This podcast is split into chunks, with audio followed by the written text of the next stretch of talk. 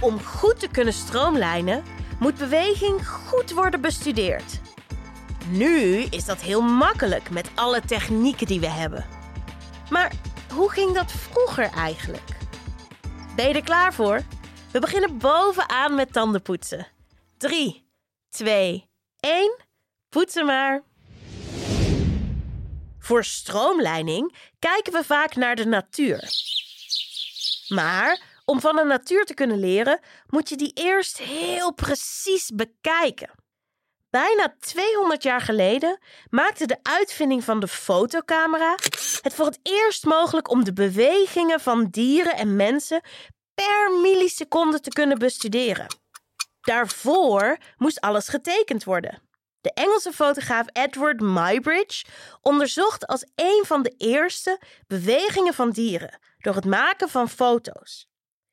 In 1878 onderzocht hij met behulp van 24 camera's of een paard in galop eigenlijk loskomt van de grond. Deze foto's zijn inmiddels wereldberoemd geworden. Hierna vond hij de zoopraxiscoop uit. Deze vreemde schijf kon foto's achter elkaar zetten, waardoor het net leek of dieren en mensen echt bewegen in het beeld. Die uitvinding wordt gezien als de voorloper van de film. Draai nu je tandenborstel om en begin je ondertanden te poetsen. Een van de eerste die met film werkten waren de Franse gebroeders Lumière. Zij vonden meer dan 100 jaar geleden de cinematograaf uit, werelds eerste projectieapparaat. Een soort eigenlijk. Hiermee konden zij als allereerste films vertonen. Al zagen die films er wel heel anders uit dan nu hoor. De films duurden vaak maar een minuut en hadden geen verhaal.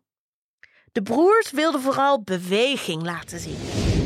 De mensen uit die tijd hadden nog nooit bewegend beeld gezien en dat maakte dan ook heel erg veel indruk. Een tv bestond nog niet en er was zelfs nog geen radio. Het verhaal gaat dat mensen de zaal uitvluchten bij het zien van een rijdende trein in de film. Ah, er komt een trein op ons af. Daar kan je je nu niks meer bij voorstellen, hè? Dat was het voor vandaag. Spuug je tandpasta uit en spoel goed je mond. Tot morgen.